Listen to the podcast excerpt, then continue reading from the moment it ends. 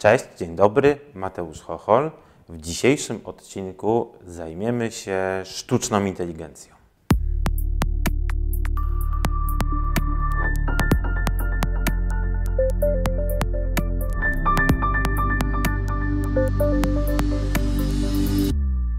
Marzenia o sztucznej inteligencji towarzyszą ludziom, ludzkości co najmniej od czasów początków rewolucji komputerowej, czyli gdzieś mniej więcej od lat 50., 60. W latach 70. XX wieku no, te marzenia były już bardzo, bardzo śmiałe. Marvin Miński, naukowiec, który założył jedno z pierwszych laboratoriów sztucznej inteligencji na MIT, w Massachusetts Institute of Technology. Naukowiec ten może być znany Państwu też choćby jako konsultant naukowy Odysei Kosmicznej 2001 Kubricka i wielu innych no, dzieł science fiction. E, już nie w tonie science fiction, ale jako prognosta, jako futurolog, Marvin Miński powiedział, początek lat 70., że w okresie od 3 do 8 lat otrzymamy maszynę o ogólnej inteligencji przeciętnej istoty ludzkiej. Myślę tu o maszynie, która będzie mogła czytać Szekspira, nasmarować samochód, dyskutować w biurze o polityce, opowiedzieć dowcip, włączyć się w bijatykę. Po kilku miesiącach maszyna ta osiągnie poziom geniusza. Kilka miesięcy później jej moc stanie się niewyobrażalna do oszacowania. No, do dziś do tego nie doszliśmy i wydaje się, że jeszcze daleko nam do ziszczenia się tej przepowiedni Mińskiego, o ile w ogóle jest to możliwe, czy tego chcemy, czy nie. E, dzisiaj opowiem Państwu o tym, jakie odkrycia napędzały te prognozy, tak śmiałe prognozy, e, i jak sztuczna inteligencja ma się rzeczywiście dziś. Wszystko zaczęło się jeszcze przed powstaniem fizycznych komputerów, takich jakich używamy wszyscy na co dzień. No, wszystko zaczęło się w teorii. Taką pierwszą teorię komputera, czy pierwszą teorię obliczeń, mówi się, że opracował Alan Turing. E, w 1932 roku e, ten uczony, matematyk, kryptolog, jeden z ojców komputerów, czy też informatyki i sztucznej inteligencji, opublikował taką pracę pod tytułem On Computable Numbers, czyli po polsku o liczbach obliczalnych. To jest początek dość złożonego tytułu. I w pracy tej przedstawił schemat, matematyczny schemat matematycznego obiektu, który dzisiaj nazywamy maszyną Turinga. Oczywiście Turing nie używał sam tej nazwy, on mówił na przykład o maszynie stanów dyskretnych i pokazał on, na czym polega obliczanie e, poprzez właśnie schemat takiej maszyny, która w zasadzie jedyne co może, to poruszać się po takiej niewyobrażalnie długiej, wyobrażonej zresztą, taśmie e, o pewną ilość pól w lewo albo w prawo i jedyne co ta maszyna może zrobić, to na którymś z tych pól nadpisać zastany symbol nowym symbolem. E, Turing twierdził, że poprzez instrukcję dla takiej hipotetycznej maszyny można zaprogramować dowolnego rodzaju obliczenia. Co więcej, przedstawił on koncept tak zwanej ogólnej czy uogólnionej maszyny Turinga, która może naśladować, czy raczej spełniać funkcję dowolnej innej maszyny. To znaczy może istnieć maszyna, która e, dedykowana jest obliczeniom matematycznym, e, funkcjom matematycznym, e, która może radzić sobie z geometrią, która może radzić sobie z dowolnym problemem, który będzie sformułowany wystarczająco precyzyjnie, aby można było go obliczyć. Turing zasłynął również z tak zwanego testu, znowu dziś nazywamy go testem Turinga, E, on mówił o grze w imitacji. Jeśli widzieliście Państwo film e, z Cumberbatchem, to jego oryginalny tytuł to Imitation Game. Polski, moim zdaniem dość słaby, e, tłumaczenie to gra tajemnic. Imitation Game to tak zwany test Turinga, czyli taki pomysł, jak, na to, jak można ocenić, czy maszyna jest już inteligentna, czy maszynę możemy nazwać sztuczną e, inteligencją.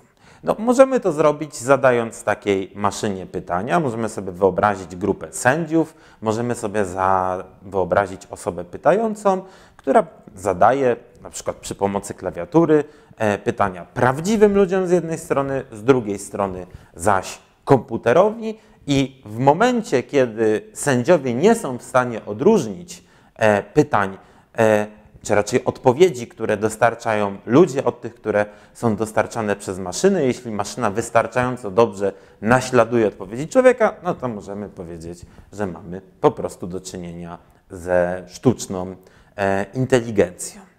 Czy taki test Turinga udało się przejść? No, za życia Turinga bynajmniej i wiele, wiele lat później również nie. Natomiast dziś test Turinga nie jest już większym wyzwaniem dla inżynierów informatycznych, dla inżynierów sztucznej inteligencji. Ustanowiona została nawet pewna nagroda, nagroda Lebnera, która przyznawana jest twórcom programów, które zbliżają się do właśnie takiego progu Turinga, czyli do takiego progu, kiedy komputer podszywa się pod człowieka wystarczająco dobrze, żeby nie można było, e, czy że byłoby to bardzo trudne odróżnić go od no, odpowiedzi udzielanych przez prawdziwe e, osoby. Choćby program Cleverbot, chatbot, możecie Państwo e, bez problemu to sprawdzić. Wystarczy znać jako tako angielski i wygooglować sobie Cleverbota i pogadać z nim. No, jest całkiem, całkiem dobry. Czy to jednak znaczy, że mamy już do czynienia ze sztuczną inteligencją? No, wydaje się, że właśnie ten postęp w informatyce, E, postęp w tworzeniu chatbotów e, pokazuje, no, że raczej nie, że jednak to nie są inteligentne programy, tylko że wystarczająco dobrze radzą sobie z naśladowaniem języka naturalnego. To jest oczywiście potężne osiągnięcie. E, no, dzięki radzeniu sobie z językiem naturalnym mamy coraz lepsze programy do rozpoznawania mowy, mamy świetne, coraz lepsze translatory. Niemniej jednak no, chyba nikt z nas, czy mało kto wierzy, że na przykład tłumacz Google'a, czy Cleverbot, czy inny chatbot no, ma świadomość i rozumie to, co rzeczywiście my do niego piszemy i udziela inteligentnej odpowiedzi. Raczej zawdzięczamy to strategiom uczenia maszynowego. Niemniej to podszywanie się maszyn, a czasami coraz częściej przewyższanie nas, ludzi w pewnych aspektach E, złożonych, trudnych, technicznych aspektach no, prowokuje do pewnych nadziei, prognoz alamiński. No dziś nie ma tu już oczywiście takich e, postaci manifestów, jak ten, który przeczytałem Państwu na początku naszego dzisiejszego spotkania, raczej ze sztuczną inteligencją, która no, miałaby się mierzyć z człowiekiem, która mogłaby mu zagrażać. No, spotykamy się w filmach, w filmach science fiction, w różnych innych dziełach, także w książkach, no, gdzie ta sztuczna inteligencja ma różne oblicza. Czasami jest ona bardzo złowroga, tak jak choćby w Matrixie, w innych dziełach może być ona e, dobrotliwa. E, zresztą, jeśli jesteśmy już przy takiej złowrogiej sztucznej inteligencji, no to wielcy uczeni, tacy jak choćby Stephen Hawking, no i wielcy twórcy technologii, tacy choćby jak Elon Musk, coraz częściej no, przestrzegają nas przed sztuczną inteligencją. Mówią, że sztuczna inteligencja no, może nas po prostu e, zniszczyć, może nas zdmuchnąć w ziemi, z ziemi. Inni z kolei podkreślają, że dzięki sztucznej inteligencji nasze życie stanie się prostsze, a być może nawet i szczęśliwsze. Nie chcę jednak kontynuować tych wszystkich rozważań futurologicznych, a zamiast tego zastanowić się i przybliżyć Państwu okres od początków dziejów e, informatyki, dziejów sztucznej inteligencji, aż do tych wszystkich współczesnych prognoz science fiction. Innymi słowy, chciałbym Państwu pokazać osiągnięcia inżynierii, inżynierii kognitywnej, inżynierii inżynierii sztucznej inteligencji, no, które prowadzą i inspirują do różnych śmiałych, zarówno pozytywnych, jak i negatywnych wizji.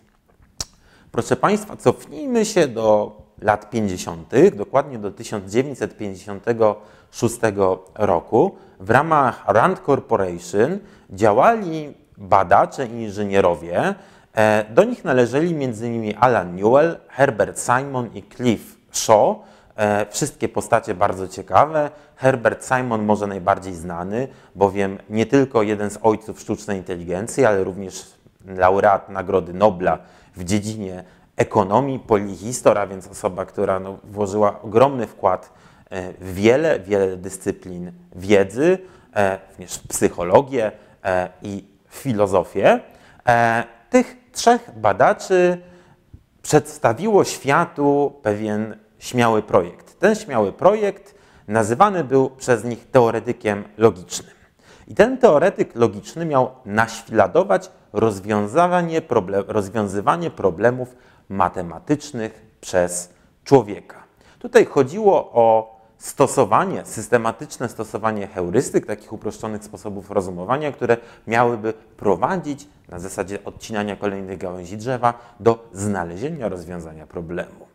Nie wchodząc już w żadne technikalia, e, teoretyk logiczny już w 1956 roku okazał się być zdolny do udowodnienia e, wielu, 38 spośród dwóch, spośród 52 twierdzeń przedstawionych przez Bertranda Russella i Alfreda Whiteheada w bardzo klasycznym dla matematyki i logiki traktacie pod tytułem Principia Mathematica. E, co więcej, jeden z dowodów, tutaj Państwu go przedstawiłem, możecie Państwo zapauzować to nagranie i prześledzić sobie go samodzielnie, e, okazał się być nawet bardziej elegancki, jak mówili specjaliści, od tego, który przedstawili Whitehead i Russell, uchodzący za geniuszy, za genialnych matematyków. 1956 rok. Kilka lat później, w 1959, ambicje tej trójki uczonych, inżynierów poszły dalej. Zaproponowali oni kolejny program już o znacznie śmielszej nazwie e, General Problem Solver, czyli po polsku moglibyśmy powiedzieć uogólniony rozwiązywacz problemów. Ten uogólniony rozwiązywacz problemów no nie był aż tak uogólniony, jak mogłaby ta nazwa sugerować. Dalej rozwiązywał on, można powiedzieć w pewnym uproszczeniu, problemy matematyczne, e, ale to była już szersza klasa zagadnień niż tylko takie e, jak z Principia Mathematica. A więc już u progu lat 60. komputery potrafiły naprawdę dużo, a że wydawało się, że myślenie matematyczne to jest modelowy przykład myślenia przez człowieka, myślenia ludzkiego w ogóle, no to nie ma się już co dziwić, że prognozy ala Marvin Miński, jak ta, którą przeczytałem Państwu na początku naszego spotkania, no, doszły do głosu. Badacze ci zaproponowali, mówię tutaj o Simonie i Newellu, zaproponowali też takie rozwiązanie teoretyczne, które dziś nazywane jest hipotezą fizycznego systemu symbolicznego. To była jedna z pierwszych definicji myślenia w ogóle. E, mówi ta hipoteza w najprostszym ujęciu, że jeśli przekształcasz symbole i jesteś systemem fizycznym, to znaczy zbudowanym z jakiegokolwiek fizycznego nośnika, to może być krzem, to może być, no, może być to biologia, tak jak, tak jak w przypadku no, nas ludzi. I jeśli przekształcasz symbole, tak jak robi to maszyna Turinga, czyli masz pewien symbol i zamieniasz go na inny symbol, robisz to systematycznie, to znaczy, że myślisz. Jak wyjaśnić to, co, jak wyjaśnić myślenie? Myślenie to przekształcanie symboli przez system symboliczny, który e, ma jakiś nośnik fizyczny. Co z tego wynika? No, zarówno my jesteśmy istotami inteligentnymi, jak i każda maszyna, bo mówimy tutaj o każdym systemie fizycznym, która będzie przekształcać symbole, może być nazywana inteligentną. I to było pewne uzasadnienie teoretyczne do mówienia o tym, że maszyny mogą być w ogóle inteligentne, że można przypisywać im to, co przypisujemy sobie, czy także innym zwierzętom, a więc i myślenie. Początkowo sztuczna inteligencja operowała w tak zwanym podejściu czy paradygmacie symbolicznym, właśnie hipoteza fizycznego systemu symboli. Badacze myśleli, że sedno naszego myślenia właśnie polega na przekształcaniu symboli. Ale jeszcze w latach 60., 70. E, doszły do głosu poglądy mówiące, że może nie powinniśmy naśladować tego, jak wydaje się nam, że przebiega myślenie, może powinniśmy raczej spojrzeć na to, jak działa nasz mózg. E, różne grupy inżynierów wróciły tutaj do pomysłu znacznie starszego niż teoretyk logiczny czy cała symboliczna sztuczna inteligencja, pomysłu zaproponowanego przez McCullochę i Pizza jeszcze w 1943 roku XX wieku, zgodnie z którym neurony możemy potraktować jako bramki logiczne, a więc takie systemy, które mogą operować w dwóch stanach. Impuls jest, impulsu nie ma. Dziś wiemy, że to jest oczywiście bardzo uproszczone podejście, ale z nim wiązała się ogromna rewolucja e, w myśleniu o podstawach naszego myślenia. Maszyna Turinga przekształcała symbole krok po kroku. Możemy sobie wyobrazić głowicę, która wędruje o określoną ilość pól w lewo, napotyka tam jakiś symbol, na przykład 1, nadpisuje go symbolem 0. Potem może pójść o ilość pól pewną w prawo, no i zrobić to samo i tak dalej, i tak dalej. Wszystko dzieje się sekwencyjnie. Badacze, którzy działali pod hasłem nie symbolicznej sztucznej inteligencji, ale koneksjonizmu, a więc połączeń między neuronami, naśladowania połączeń między neuronami, twierdzili zamiast tego, że modele komputerowe ludzkiego myślenia powinny uwzględniać to, że nasz mózg nie funkcjonuje krok po kroku, ale różne jego części naraz w jednym momencie wykonują bardzo dużo różnych operacji. Stąd też mówi się o obliczeniach, które są równoległe, a więc nie dzieją się na zasadzie pojedynczych sekwencji, ale naraz i implementowane są, dzieją się w różnych częściach naszego mózgu, a więc są rozproszone. Po angielsku to jest Parallel Distributed e, Processing, czyli obliczenia e, równoległe i rozproszone. E, mniej więcej wtedy, kiedy powstawały pierwsze systemy symbolicznej sztucznej inteligencji, jak teoretyk logiczny i ogólniony rozwiązywacz problemów, Frank Rosenblatt, 57 rok, stworzył perceptron. Pierwszy model, nie program, bo był to model fizyczny, e, który poprzez modyfikację wag połączeń pomiędzy neuronami zdolny był do rozwiązywania pewnych problemów. Co ciekawe, nie było tam żadnych obliczeń, które można było zobaczyć, które można byłoby śledzić, e, które można by odtworzyć jako jakieś sekwencje. Wszystko działo się, mówiąc metaforycznie, pod maską. Badacze, którzy wierzyli, że biologicznie inspirowane, a więc na podstawie wiedzy na temat działania mózgu, obliczenia zwyciężą. Ale jednak koneksjonizm okazał się być podatny na pewne problemy. Pokażę Państwu tylko jeden z nich. E, widzimy tutaj książkę pod tytułem Perceptrons autorstwa Marwina Mińskiego i Seymoura Paperta. Okazuje się, że wczesne sieci neuronowe, ta książka to był bardzo wybitny, bardzo ważny w dziejach informatyki traktat matematyczny, jak moglibyśmy chyba powiedzieć, Okazało się, że perceptrony, pierwsze modele sieci neuronowych nie potrafiły poradzić sobie z problemem takim jak rozróżnienie tych dwóch wzorców, które widzicie Państwo na okładce tej książki.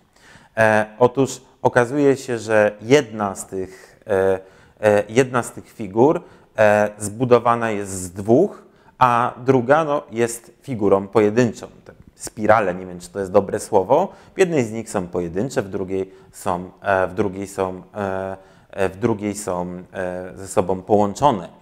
Możecie Państwo sobie to prześledzić bardzo łatwo, pauzując i wykorzystując choćby palec czy długopis. Zadanie dla nas banalne, choć wymagające jakiegoś namysłu, okazuje się, że wczesne sieci neuronowe nie potrafiły tego typu figur rozróżniać. E, problemów takich pokazano jeszcze więcej. E, pewne funkcje logiczne czy matematyczne, które były bardzo proste do poradzenia sobie z nimi w podejściu symbolicznej sztucznej inteligencji dla sieci neuronowych, wczesnych sieci neuronowych, były nie do przeskoczenia.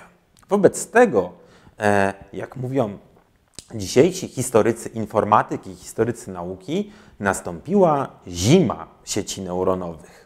Odwilż nastąpiła e, dopiero sporo lat później, w latach 80., kiedy za, prawo, za sprawą Rumelharta i McClellanda stworzone zostały pierwsze modele tak zwanych głębokich sieci neuronowych.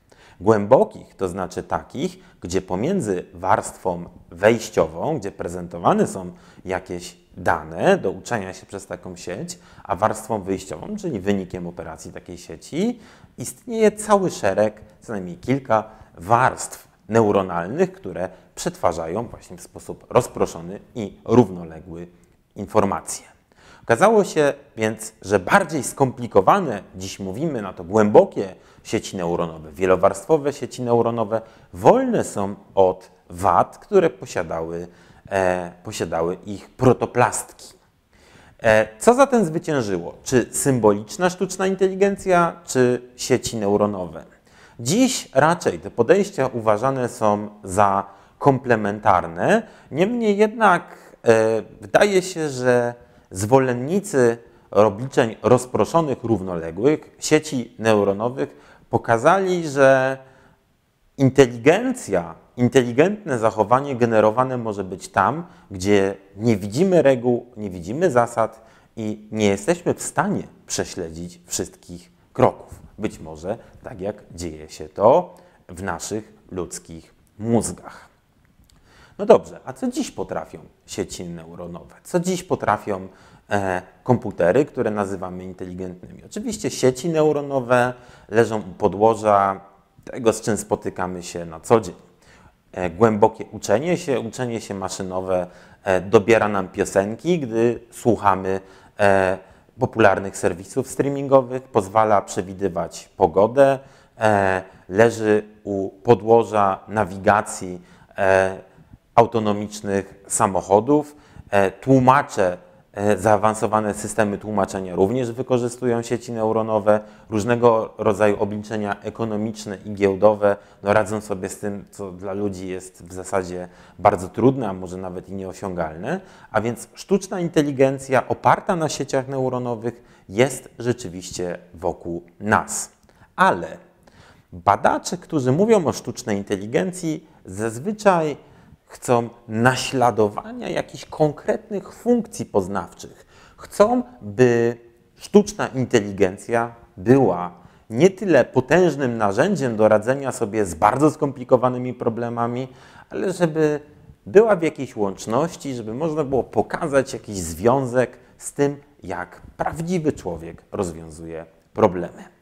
E, jednym z takich projektów z potężnych i bardzo interesujących projektów jest BioSpawn, projekt autorstwa i wykonania w dużej mierze Chrisa Elia Smitha e, z kanadyjskiego University of Waterloo. E, w ogóle sam Elias Smith jest bardzo ciekawym człowiekiem i taką ikoną być może w ogóle badań nad sztuczną inteligencją, bowiem jest on naukowcem, jest inżynierem, jest także filozofem e, i skonstruował on system, nazwa to BioSpawn, ten system obejmuje około 2,5 miliona neuronów, ale jest także czymś, co nazywamy architekturą poznawczą, to znaczy architekturą odzwierciedlającą strukturę ludzkiego umysłu, o której mówi kognitywistyka i psychologia poznawcza.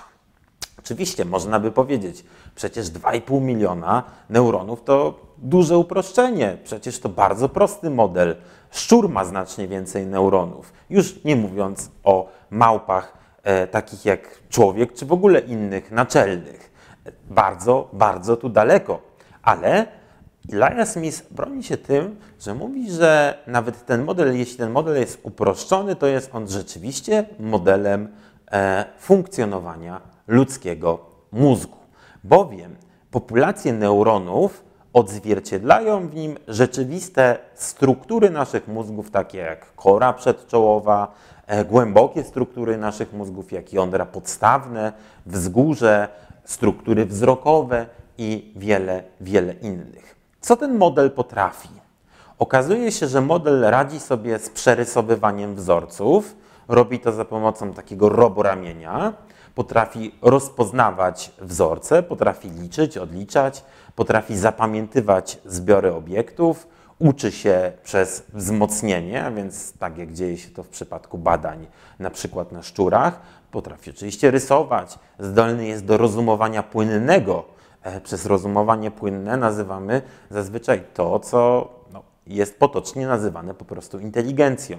I e, można to zobaczyć choćby na przykładzie radzenia sobie przez Biospawn z testami e, inteligencji, takimi jak test matryc e, Ravena. Model ten e, jest również wielozadaniowy, potrafi bez najmniejszego problemu przełączać się między dwoma zadaniami. No tutaj odbiega on od nas ludzi, dlatego że multitasking, przerzucanie się z jednego zadania na drugie dla nas ludzi jest bardzo kosztowne i no, wyczerpuje nasze zasoby mentalne. Ma on również inne ograniczenia, e, choćby jego zasoby uwagowe alokowane są nieco inaczej niż w przypadku człowieka, bowiem e, oko, no oko to może za duże słowo, kamera, e, która dostarcza dane sieci neuronowej jest nieruchoma. Mówiliśmy również o uproszczeniach pewnych, jeśli chodzi o ilość neuronów. Fizyka neuronów jest tutaj również mocno uproszczona, także zasoby e, pamięciowe funkcjonują w tym modelu nieco inaczej niż w przypadku człowieka. Natomiast co w tym modelu jest niesamowite, oprócz tego, że radzi sobie z zadaniami, które przygotowane zostały do tego, by różnicować ludzi na mniej i bardziej inteligentnych. Powyżej widzicie Państwo no, schemat ludzkiego mózgu, Poniżej coś, co możemy nazwać architekturą poznawczą. To jest taki typowy schemat, który zobaczycie Państwo, mówię o tym poniższym, w zasadzie w dowolnym podręczniku do psychologii poznawczej. E, nie będziemy wchodzić w szczegóły, ale wyobraźmy sobie takie proste zadanie, że macie Państwo rozróżnić dwa e, bodźce. Widzicie Państwo, nie wiem, domek i krowę. E, oczywiście E, informacje te dochodzą do Państwa mózgu, e, najpierw jako strumień fotonów, który no, dociera do naszego oka, następnie transportowane jest już jako informacja przy pomocy nerwu wzrokowego, jest przekodowywana na impulsy neuronalne, które są transportowane przy pomocy nerwu wzrokowego do dalszych struktur do dalszych struktur mózgowych, ta informacja wzrokowa jest przetwarzana, ale później e, swoje zadania wykonują struktury odpowiedzialne za pamięć roboczą, e, odpowiedzialne za podejmowanie decyzji i kiedy już wiemy, że widzieliśmy, dajmy na to, domek, a nie krowę, albo dowolny inny bodziec, o który prosił nas eksperymentator, nasz mózg wykonuje komendy motoryczne, które e, dostarczane są E, do efektorów właśnie przez struktury motoryczne naszych mózgów i wtedy możemy mówić o jakiejś odpowiedzi motorycznej, odpowiedzi e, ruchowej. Jak to się wszystko dzieje? No jest to dość skomplikowane, całe podręczniki psychologii poznawczej o tym mówią, ale okazuje się, że tego typu myślenie o podejmowaniu decyzji, tego typu myślenie e, o wykonywaniu inteligentnych działań może jest dość precyzyjnie mapowane na struktury mózgowe, które są zaangażowane w poszczególne fazy tego procesu, od samego przetwarzania e, bodźca wzrokowego e, w strukturach odpowiednich naszych mózgów, przez pamięć roboczą, kontrolę poznawczą, struktury decyzyjne e, w płatach czołowych. Oczywiście tutaj ważne są pewne zasoby, pewne zasoby motywacyjne, które związane są z neuroprzekaźnikami i e, które tutaj angażują głębokie struktury naszych mózgów i wreszcie e, ta cała maszyneria niezwykle skomplikowana prowadzi nas do, do wykonania jakichś działań i tutaj e, struktury motoryczne naszych mózgów są szczególnie istotne. Jak Państwo widzicie, schemat, model Ilaya Smitha jednoczy te dwa podejścia, architekturę poznawczą oraz zaangażowanie, zamodelowanie poszczególnych struktur mózgowych w tego typu działania. E, model ten jest niezwykle zaawansowany, jest to chyba jedno z największych osiągnięć inżynierii kognitywnej, ale przecież e, najczęściej sztuczna inteligencja kojarzy się nam nie ze statycznymi komputerami, które ewentualnie mają jakąś kamerę, która łączy e, informacje ze świata właśnie z modelem oraz jakiś roboramię, w które wyposażony jest w BioSpawn, no ale z robotami, które się poruszają, które coś mogą robić, które mogą zmieniać środowisko, wchodząc właśnie z tym środowiskiem, z otoczeniem w interakcję. E, robotyka kognitywna to współcześnie bardzo ważny dział sztucznej inteligencji, e, który naśladuje nie tylko ludzi, ale też prostsze zwierzęta. Tutaj widzicie Państwo na przykład roboświerszcze. No ten model roboświerszcza w ogóle nie przypomina świerszcza.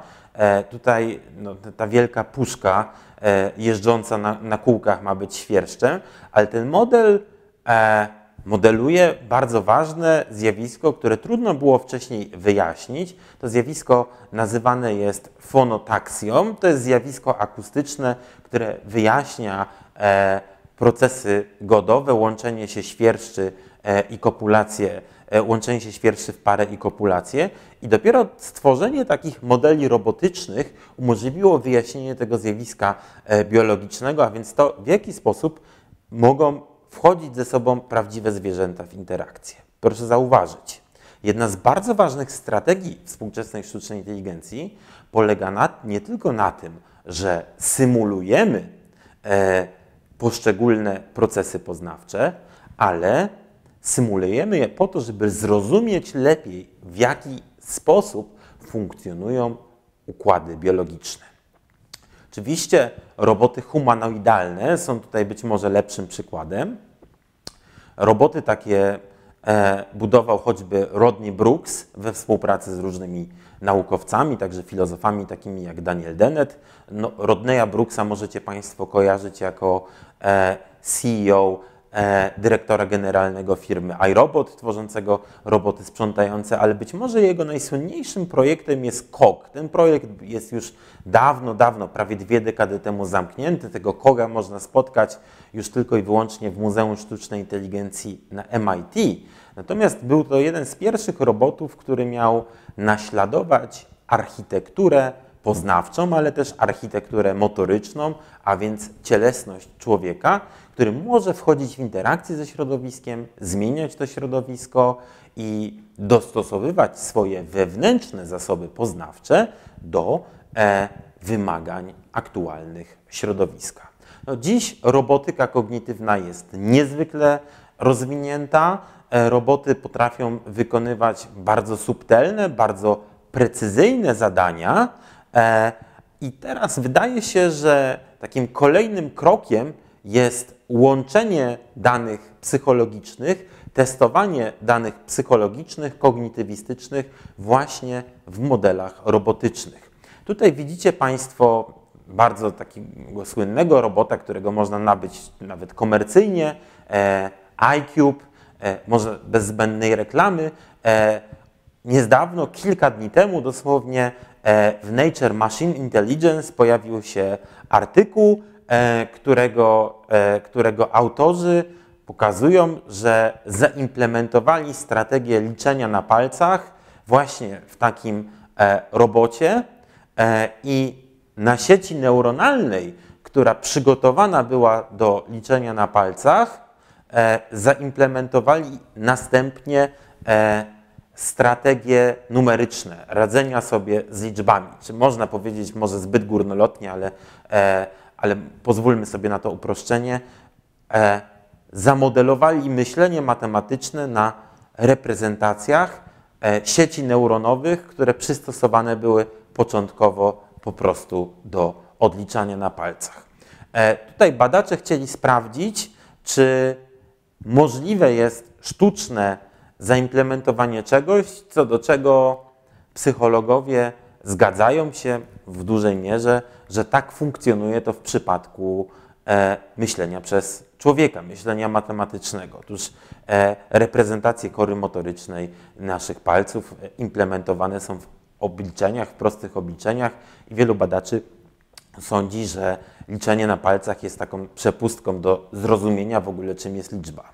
Oczywiście spekulacja, że robot dzięki zdolności liczenia na palcach zrozumiał, czym są liczby, byłoby zbyt daleko idącym wnioskiem i zresztą badacze, e, którzy, autorzy tego artykułu e, są tutaj bardzo ostrożni, ale proszę zobaczyć, robotyka nie służy już tylko do rozwiązywania problemów, z którymi nie radzą sobie ludzie, albo naśladowania ludzkich zachowań, ale jest też kolejnym, można tak powiedzieć metaforycznie, szkiełkiem i okiem, kolejnym takim mikroskopem, kolejnym przyrządem, dzięki któremu możemy starać się lepiej zrozumieć, jak funkcjonują nasze umysły.